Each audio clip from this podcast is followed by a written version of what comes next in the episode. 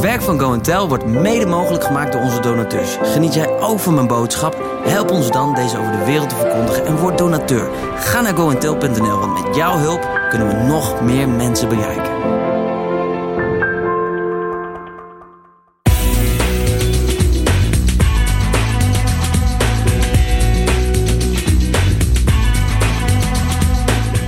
Dat je er bent. In Jezaja staat, het gras verdort, de bloem valt af, maar het woord van God houdt eeuwig stand. God verandert dus niet, maar wij wel. Hoe gaan we hier goed mee om? Luister naar deze boeiende podcast met de titel Wat is je focus?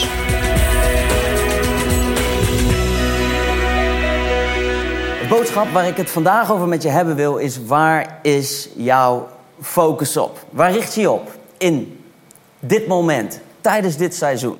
Ik heb hier een uh, heerlijk glaasje water staan. En um, dit is op zich helemaal niet heel zwaar om vast te houden, want je kunt best nou ja, uh, een hele tijd zo staan. Maar zou ik dit wat intensiever gaan vasthouden en ik maak er dit van en al mijn energie hierin stoppen, dan komt er een moment dat ik zelfs dit lichte glaasje water niet meer vast kan houden. Dan laat ik hem of los of ik moet mijn hand opnieuw weer naar me toe trekken. Dus hoe zwaar dit glaasje water is, is iets wat ik bepaal. Niet alleen het glaasje water. Je zou zeggen, ja, het is licht gewicht, pak dat. Nee, ik bepaal hoe intensief ik ermee bezig ben. En dat is precies waar ik het vandaag met je over hebben wil. Welke gedachten heb jij opgepakt en ben je intensief mee aan de slag gegaan in dit seizoen? In deze moeilijke tijden, in deze zware periode, heb ik gezien hoe hele lichte onderwerpen ineens super zwaar worden. Waarom? Omdat we puur en alleen al onze aandacht focussen op dit soort dingen. En vandaag wil ik het met je hebben over waar gaat het dan eigenlijk echt om? Waar zijn we met elkaar mee bezig? We kennen allemaal Johannes 3, vers 16. Als ik je nu vraag, quote hem, want al zo lief heeft God de wereld gehad dat hij zijn enige geboren zoon gegeven heeft, opdat een ieder die in hem gelooft niet verloren gaat, maar eeuwig leven heeft. En dan nu Johannes 3, vers 17. En dan worden we een beetje stil, want die kennen we niet uit ons hoofd, maar die is minimaal net zo vet. God heeft zijn zoon niet naar de wereld gestuurd om een oordeel over haar te vellen, maar om de wereld door hem te redden. Dat is Gods missie. God heeft zijn zoon gestuurd naar de wereld niet om haar te veroordelen, maar om haar te redden. En ik moet je vertellen dat hoe meer ik bezig ben met God en zijn liefde voor mij, zijn liefde voor deze wereld, zijn liefde voor mensen die in de knoop zitten, hoe meer mijn hart overstroomt van liefde. Liefde voor boeddhisten, liefde voor moslims, liefde voor homo's, liefde voor transgenders, liefde voor mensen die op zoek zijn, die hunkeren naar zijn enorme onvoorwaardelijke liefde. En dat is iets wat God voor ons allemaal beschikbaar heeft. Ik merk zelf dat ik vanuit mijn evangelische opvoeding nog heel vaak in de mode schiet. Hoe kan ik God behagen? Maar Hij is de gever van het leven. En elke dag mag ik mijn handen openen om te ervaren hoeveel Hij mij lief heeft. En die boodschap van liefde en geen veroordeling is een boodschap die vandaag de dag de wereld verandert. Alleen de vraag is, is dat ook je focus? Ben je daar ook daadwerkelijk mee bezig? Als we het hebben over mensen die God leren kennen, een radicale bekering. Iemand die ineens doorheeft, zo wil ik mijn leven niet langer leven. Ik, ik ga alle dingen anders doen. Dan zijn dat van die radicale ommekeermomenten. Onze apostel Paulus is misschien wel het meest mooie voorbeeld van iemand die helemaal in zijn focus christenen aan het vervolgen was. Omdat hij echt dacht dat hij goed bezig was. En God die greep in. En die zei, Saul, waarom vervolg je mij? Die greep hem in zijn nek, om maar even zo te zeggen. En zijn leven, radicaal werd zijn leven veranderd. En dat is iets wat wij allemaal heel graag willen. We willen heel graag zo'n Paulus-moment. Maar het blijft niet bij een Paulus-moment. Want er komt een moment dat God zegt: Ik heb je gered, maar nu zet ik je op eigen benen. Nu moet jij gaan doen. Je moet gaan leven vanuit die kracht van die redding. En boy, wat kan het moeilijk zijn. Ik zie heel veel mensen tot geloof komen, daar weer terugvallen in oude gewoontes, hun best wel weer doen, maar nog weer oude gewoontes en enzovoort. En het is net alsof ze niet realiseren dat die enorme, krachtige bekering eigenlijk ook het fundament is om vanuit overwinning te gaan leven. Gelukkig zegt de Bijbel nog veel meer dan alleen dat hij ons kwam redden en dat hij ons niet veroordeelt. De Bijbel die zegt heel duidelijk dat God ook onze armen oefent voor de strijd. In andere woorden, hij wil je niet alleen redden en op je eigen benen zetten, maar hij wil je klaarmaken om van keer op keer in die overwinning te kunnen blijven staan. In de hele psychische en therapeutische wereld spreken mensen over een drama-driehoek. Je kan iemand niet blijven redden. In die driehoek zit een slachtoffer, een aanklager en een redder. En jij als ouder kan bijvoorbeeld altijd de redder van je kind zijn. Dat elke ochtend als hij zich klaarmaakt om naar school te gaan... dan is hij aan het lanterfant en doen... en jij zit er maar te pushen, wel op tijd dit, wel op tijd dat. En dan is er een moment dat je eigenlijk moet stoppen met redden. Want als jij stopt met redden, voelt hij zelf wat de consequentie is. Dan komt hij te laat. En als hij te laat komt, ja, dan moet hij zijn verantwoordelijkheid nemen.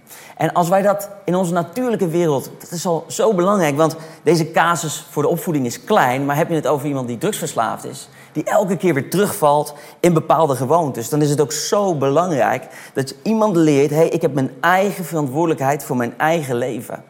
En dat is soms best lastig, want de enige die echt verantwoordelijk is voor je eigen geluk, dat ben jij zelf.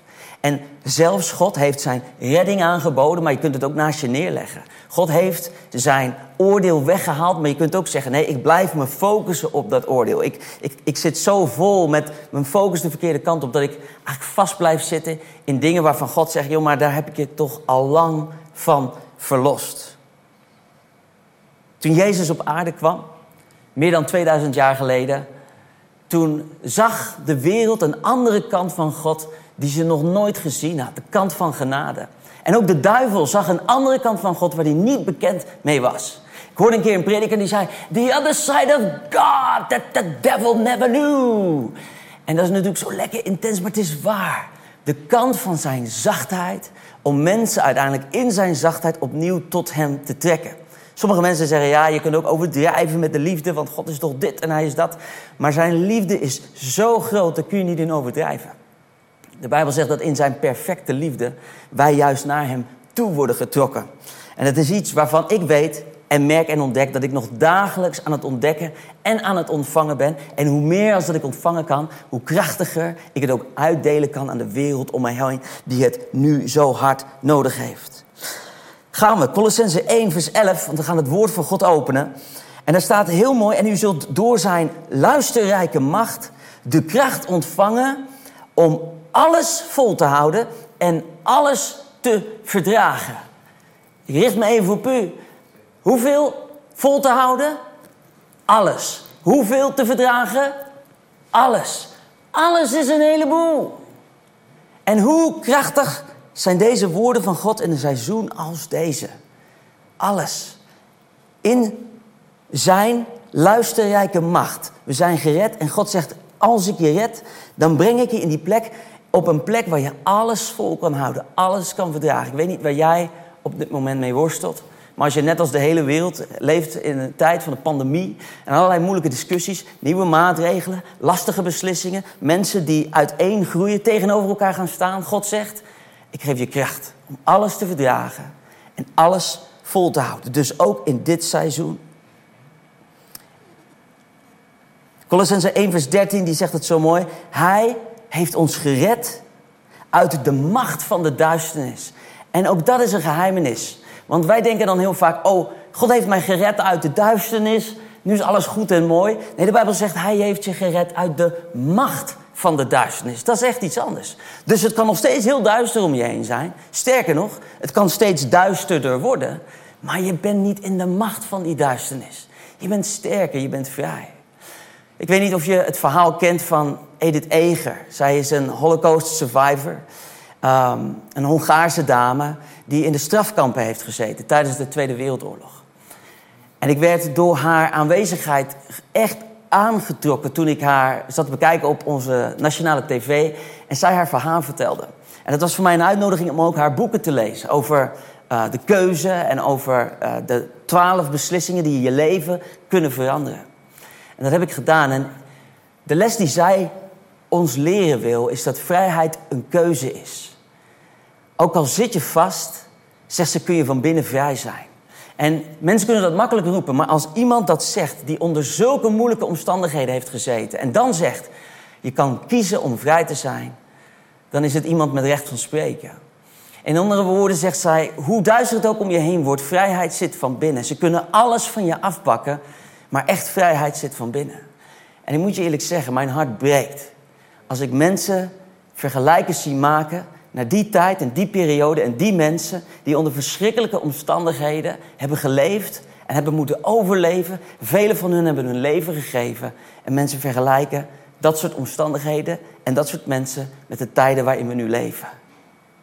Zeg ik dat het makkelijk is? Nee. Zeg ik dat er vrijheid ontnomen wordt? Ja, absoluut. Zeker vanuit jouw eigen perspectief. Maar als je ware vrijheid van binnen zit, is de vraag: waar leg jij de nadruk op? Wat is je focus? Ik zal een leuk verhaal vertellen. Ik heb een goede vriendin die woont in Singapore en die stuurde mij een bericht van iemand die moest naar de Starbucks. En die was zijn QR-code vergeten, want daar is het helemaal heel streng. Want hier in Europa uh, gaan wij natuurlijk gewoon de straat op als we het er niet mee eens zijn. Maar probeer het maar eens in China. Uh, ik zag van de week in Wuhan nul cijfers meer van besmettingen, omdat ze gewoon militarische precisie hebben. Nou, ik denk dat we dat niet moeten willen met elkaar. Maar er is één ding wat hun wel begrijpen, is als iedereen luistert, dan kan er een soort van oplossing komen. Dat maakt het lastiger hier in Nederland. En deze man die had zijn QR-code om naar de Starbucks gegaan, die had hij vergeten. En toen was hij met een vriend en toen zei joh, uh, mag ik jouw QR-code even lenen? Dan glip ik er even doorheen en dan koop ik even een bakje koffie. Weet je wat het eind van het verhaal was? Hij werd gepakt en die beste man zat drie weken in de gevangenis voor een bakje koffie met een verkeerde QR-code. Dan denk ik, jongens, ik ben het met je eens dat er best wel wat van ons wordt afgenomen, dat de tijden moeilijk zijn, maar we moeten er met elkaar doorheen. En dan hebben we het zo slecht nog niet in Nederland. Alleen de vraag is, waar focus je op? Want waar je je op focust, dat wordt steeds zwaarder. Dat wordt steeds lastiger, steeds moeilijker. Je bent veilig, je bent gered. En zeker als christen zou ik tegen je willen zeggen: leven vanuit die nieuwe mens is een dimensie die wij met ons meedragen, die niemand anders in deze wereld heeft. Colossense 2, vers 7. Met Christus gestorven en opgewekt uit de dood. Volg de weg van Christus nu u hem als Heer aanvaard hebt. Blijf in hem geworteld en gegrondvest. Houd vast aan het geloof dat u geleerd is. Wees vervuld van dankbaarheid. Dankbaarheid is een thema wat heel veel mensen in de wereld soms beter begrijpen als wij christenen. De Bijbel zegt, wees vervuld van dankbaarheid. Want als je vervuld bent van dankbaarheid, dan is je focus op de dingen waar je dankbaar voor kan zijn. En heb je altijd iets om voor te leven. En altijd iets om nieuwe energie over te ontvangen. Ik ben ontzettend dankbaar dat ik hier mag staan. In deze vanellenfabriek. En dat ik het woord van God met je delen mag. Ik ben dankbaar voor de dag die God me vandaag gegeven heeft. En ik heb geen idee hoeveel er nog komen gaan. Maar ik kies ervoor om me te focussen op die dankbaarheid. En staat in Colossense 2 vers 8. Wees op uw hoede en laat u niet meeslepen door holle en misleidende misleidende theorieën die op menselijke tradities gebaseerd zijn en zich richten op de machten van de wereld en niet op Christus. Wow. Sommige dingen zegt de Bijbel gewoon, klip en klaar. Pas op.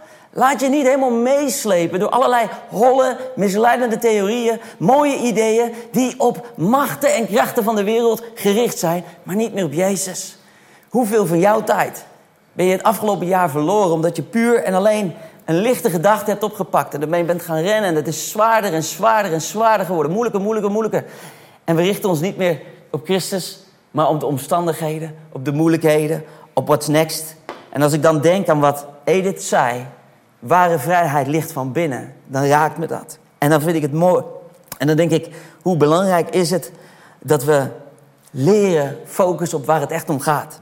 Colossense 2, vers 13. U was dood voor de zonde en door uw onbesneden staat. Maar God heeft u samen met Christus levend gemaakt toen hij al onze zonden wegschold. Nou, daar gaan we weer. U kunt alles verdragen. U kunt overal doorheen. En ik heb al uw zonden kwijtgescholden.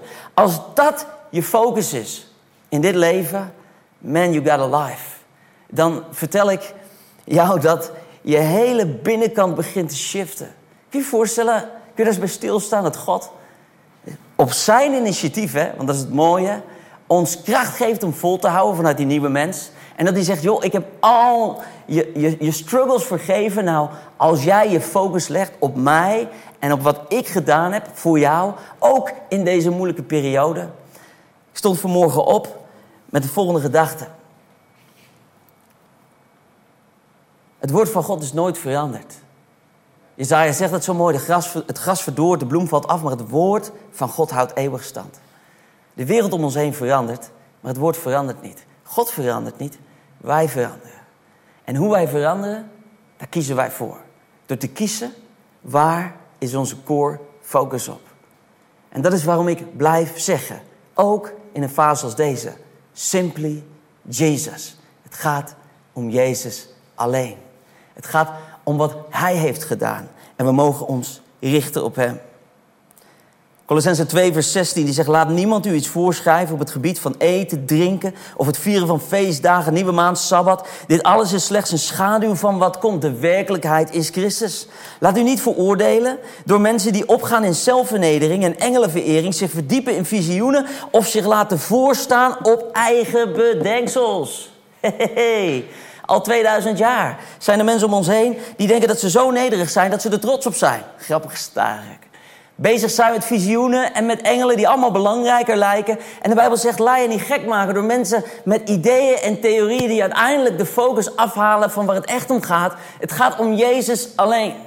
Ik heb verschrikkelijke dingen gehoord. Dingen als dat je je redding kunt verliezen. Als je een vaccinatie zou nemen. Ik schaam me ervoor. Want ik geloof met mijn hele hart dat mijn redding is in het kostbare bloed van Jezus.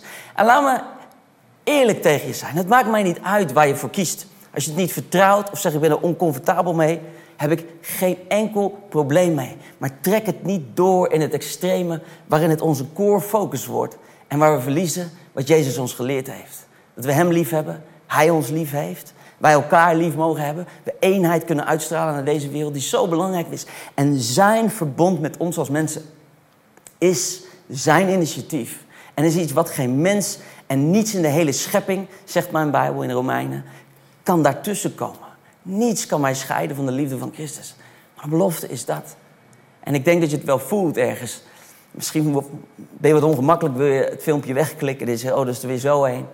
Maar wacht nog heel even. Omdat het gaat mij niet om, waar sta jij? Wat vind jij? Maar mijn vraag is, ben je nog open? Ben je nog open voor elkaar? Ben je nog open voor verbinding?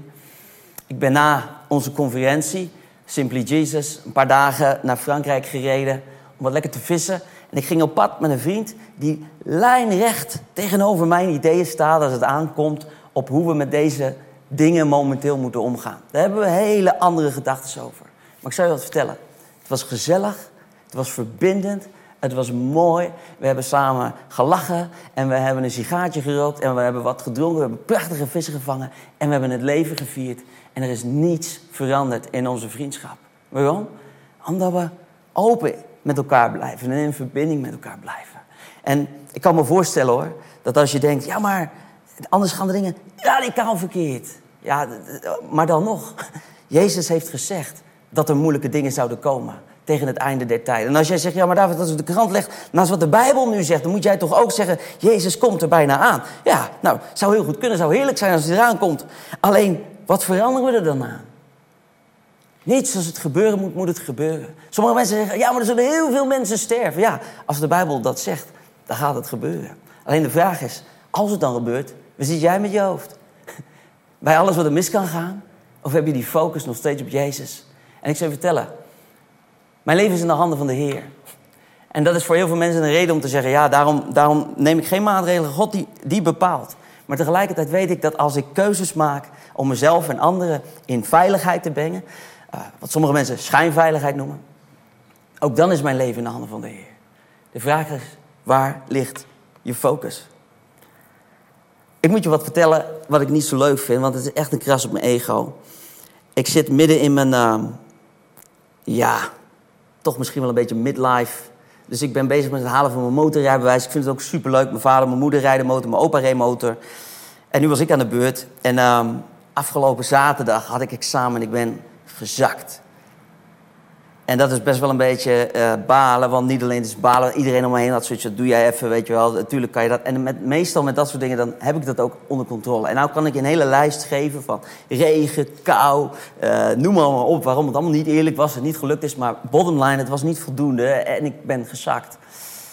En een van de dingen die terugkomt in dat motorrijden... is dat je gaat toe naar waar je je focust. Dus als je richting een bocht gaat, ik weet nog de eerste keer dat ik de snelweg op ging en dan moest ik zo'n enorm diep klaverbladbocht nemen. Uh, en ik scheet 50 peuken, joh. Ik zat op dat ding en denk, ja, als ik, als ik naar die bomen kijk, naar die bomen, maar kijk omheen, dan, dan ga ik zo. Maar de kunst is om dieper weg te kijken waar je heen wil en steeds een beetje bij te draaien. En dat was niet mijn sterkste punt. En nog steeds vind ik dat soms wat lastig. Want dan ben je bezig hier, terwijl je eigenlijk moet kijken waar je naartoe wil. Schaatsers weten dat ook. In de bocht, nooit kijken waar je niet naartoe wil. Max Verstappen weet het ook. In de bocht, nooit kijken waar je niet naartoe wil. In het leven is dat ook zo. Nooit kijken waar je niet naartoe wil. En ons nieuws is vol hiervan. Ons hoofd is vol hiervan. Onze families zijn vol hiervan. Onze organisaties zijn vol hiervan. Maar wat ik zo naar verlang, is dat we met elkaar zeggen: ja, maar we willen vol zijn van Christus. We willen vol zijn van zijn voorbeeld. We willen vol zijn van zijn leven. Want hij is nooit veranderd. En ik zal je ook wat vertellen. God is niet paniek hoor. Hij is niet in paniek over dit seizoen. Absoluut niet. Ik ga je nog een uh, mooi voorbeeld geven. Ik heb hier een heel mooie stok. Um, met dank aan de technische boys. Uh, en als ik deze stok zou willen balanceren. En ik doe dat door naar beneden te kijken op mijn hand. Ja, dat zie je al, daar gaan we al. Dat gaat niet werken. Maar als ik naar het puntje kijk van de stok. Dan zie je, ik heb het er moeilijk mee. Maar uiteindelijk vind ik veel meer balans, rust en veiligheid. En dat is precies wat er gebeurt. Als wij opnieuw naar Christus kijken. Weet je nog, die koperen slang in de woestijn? Ook een voorbeeld van Jezus was kijk omhoog. Kijk niet alleen om je heen. Kijk niet naar je omstandigheden. Maak het niet zwaarder als dat het is. Let's get real. En ik zal je eerlijk zeggen, het maakt mij niet uit waar je staat. Je mag voor mij iedereen wantrouwen of mixed feelings hebben of denken, ja, ik voel me niet goed bij. Alle respect. Ik sluit je in mijn armen. Maar iemand die zegt van, nou weet je, voor mij is het oké zo en ik volg het en ik voel me er prettig bij. Alle respect. Ik sluit je in mijn armen. Ik nodig je uit om te zeggen 2022. Let's get our focus right. Simply Jesus. Dat was hem. Wat is je focus? Je reactie is altijd welkom op info@goentel.nl. Nog meer inspiratie en informatie vind je ook in de Simply Jesus app. Download hem vandaag nog in de App Store of op Google Play.